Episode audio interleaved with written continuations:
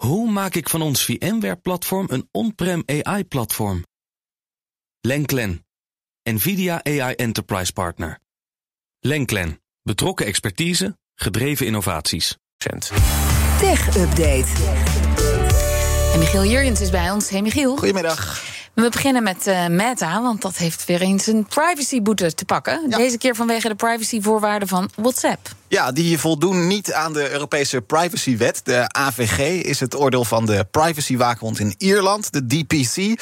WhatsApp en indirect dus eh, moederbedrijf Meta krijgt daarom een boete van 5,5 miljoen euro. Moet er ook binnen zes maanden voor zorgen dat er een verbetering uh, zichtbaar is. WhatsApp zegt in de voorwaarden dat onze persoonlijke gegevens gebruikt kunnen worden voor ja, wat zij noemen veiligheidsdoeleinden en om de dienstverlening te verbeteren. Um, maar daar zijn ze vaag over, vindt de uh, DPC. Dat moet dus beter, al dus de ja, 5,5 miljoen euro, dat is niet heel erg veel, hè? Voor een bedrijf als Meta is nee. dat niet heel veel. Maar nee. goed, er is ook veel kritiek op die DPC, DPC zelf, ja. die eerste waakhond. Hoe zit dat? Ja, privacyorganisaties en ook andere Europese toezichthouders... die vinden dat Meta hier eigenlijk veel te makkelijk wegkomt. Um, eerder deze maand kreeg Meta een veel grotere boete. Dat was toen bijna 400 miljoen. Uh, voor ja, trucs waarmee Facebook en Instagram uh, onze data gebruiken voor ja. advertenties.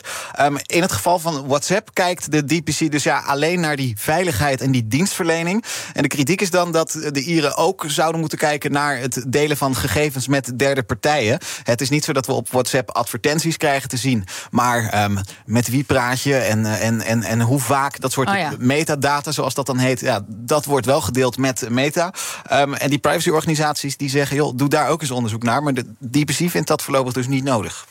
Dan goed nieuws over ransomware. Dat klinkt al opvallend ja, eigenlijk. Ja. Cybercriminelen hebben vorig jaar minder geld aan ransomware verdiend. Ja, dat is op zich goed nieuws. Dat meldt uh, Chainalysis, een Amerikaans bedrijf dat zich bezighoudt met blockchain-analyse. En dus ook met ja, betalingen aan criminelen die gijzelsoftware bij uh, organisaties naar binnen hebben gekregen. Die betalingen die gebeuren vaak in cryptovaluta. Vandaar.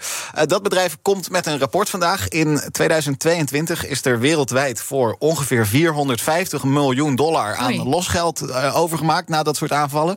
Dat is heel veel, oei, inderdaad. Maar in 2021 was dat ruim 750 Oh. miljoen. Dus dat is weer een afname van 40% in een jaar tijd. Oké, er wordt dus minder betaald, maar zijn er dan ook minder aanvallen? Nee. Of zijn ze goedkoper? Ja, ja helaas, helaas. Chainalysis komt zelf ook met die nuances. Ze zeggen het komt vooral door hoe bedrijven ermee omgaan. Er komt steeds meer wetgeving, waardoor ook een bedrijf dat losgeld betaalt... zelf ook in de probleem kan komen. Bijvoorbeeld als je betaalt aan een partij die onder sancties van een overheid valt. Um, maar het aantal aanvallen, nee, dat neemt zeker niet af. Gisteren nog kwam de politie in Nederland met cijfers over uh, cybercriminaliteit als geheel hè, in Nederland. Vorig jaar bijna 14.000 geregistreerde zaken, heel veel. Zo net komt het Openbaar Ministerie met een bericht over een man van 24 uit Etteleur. Die wordt ervan verdacht dat hij meer dan 100 minderjarige meisjes heeft afgeperst Ja. met, na, met naaktbeelden. Dus sextortion noemt justitie dat dan. Volgens het OM het grootste onderzoek naar online misbruik van minderjarigen Oh. ooit in eh, Nederland. Dus echt een Ja. grote zaak. Nou, dat horen we vandaag dus. Wat je wel zou kunnen zeggen is het bewustzijn neemt toe van de gevaren die er ja, online helaas ook zijn. Uh, ook over wat je, veel, wat je wel en niet zou moeten doen. Een voorbeeld daarvan, dat is een beetje goed nieuws, zien we dus bij bedrijven die ja, wereldwijd wel minder losgeld zijn gaan betalen na zo'n aanval. Um, maar ja, die cybercriminaliteit uh, is er en dat gaat meer en meer worden. Ja. Dan nog even naar Park Mobile, want die naam gaat verdwijnen. En daar kreeg ik inderdaad een berichtje van. Ja, Wacht even, weet ik het nog uit mijn hoofd? Iets Maar jij met- komt altijd met de fiets. Je hoeft toch nooit Zeker. te parkeren? In, eh, ik heb ook nog een leven buiten de Oh, studio. oh, oh. En dan zit ik wel eens in de auto. Ja. Maar goed, Easy Park. Ja, ja, dat wordt het inderdaad. Park Bingo. Mobile gaat weer. Het is een bekende naam. Park Mobile zelf zegt dat het in Nederland 3 miljoen gebruikers heeft. Nou, er staat er hier één eh, voor je ook inderdaad. Park Mobile is overgenomen in 2021 al door de Easy Park Group. Die hebben hun hoofdkantoor in Stockholm staan. Nou, die inlijving die is na deze week dus helemaal af, zou je kunnen zeggen. Want Park Mobile wordt Easy Park. Uh, hoef je niks voor te doen, dat gaat allemaal vanzelf.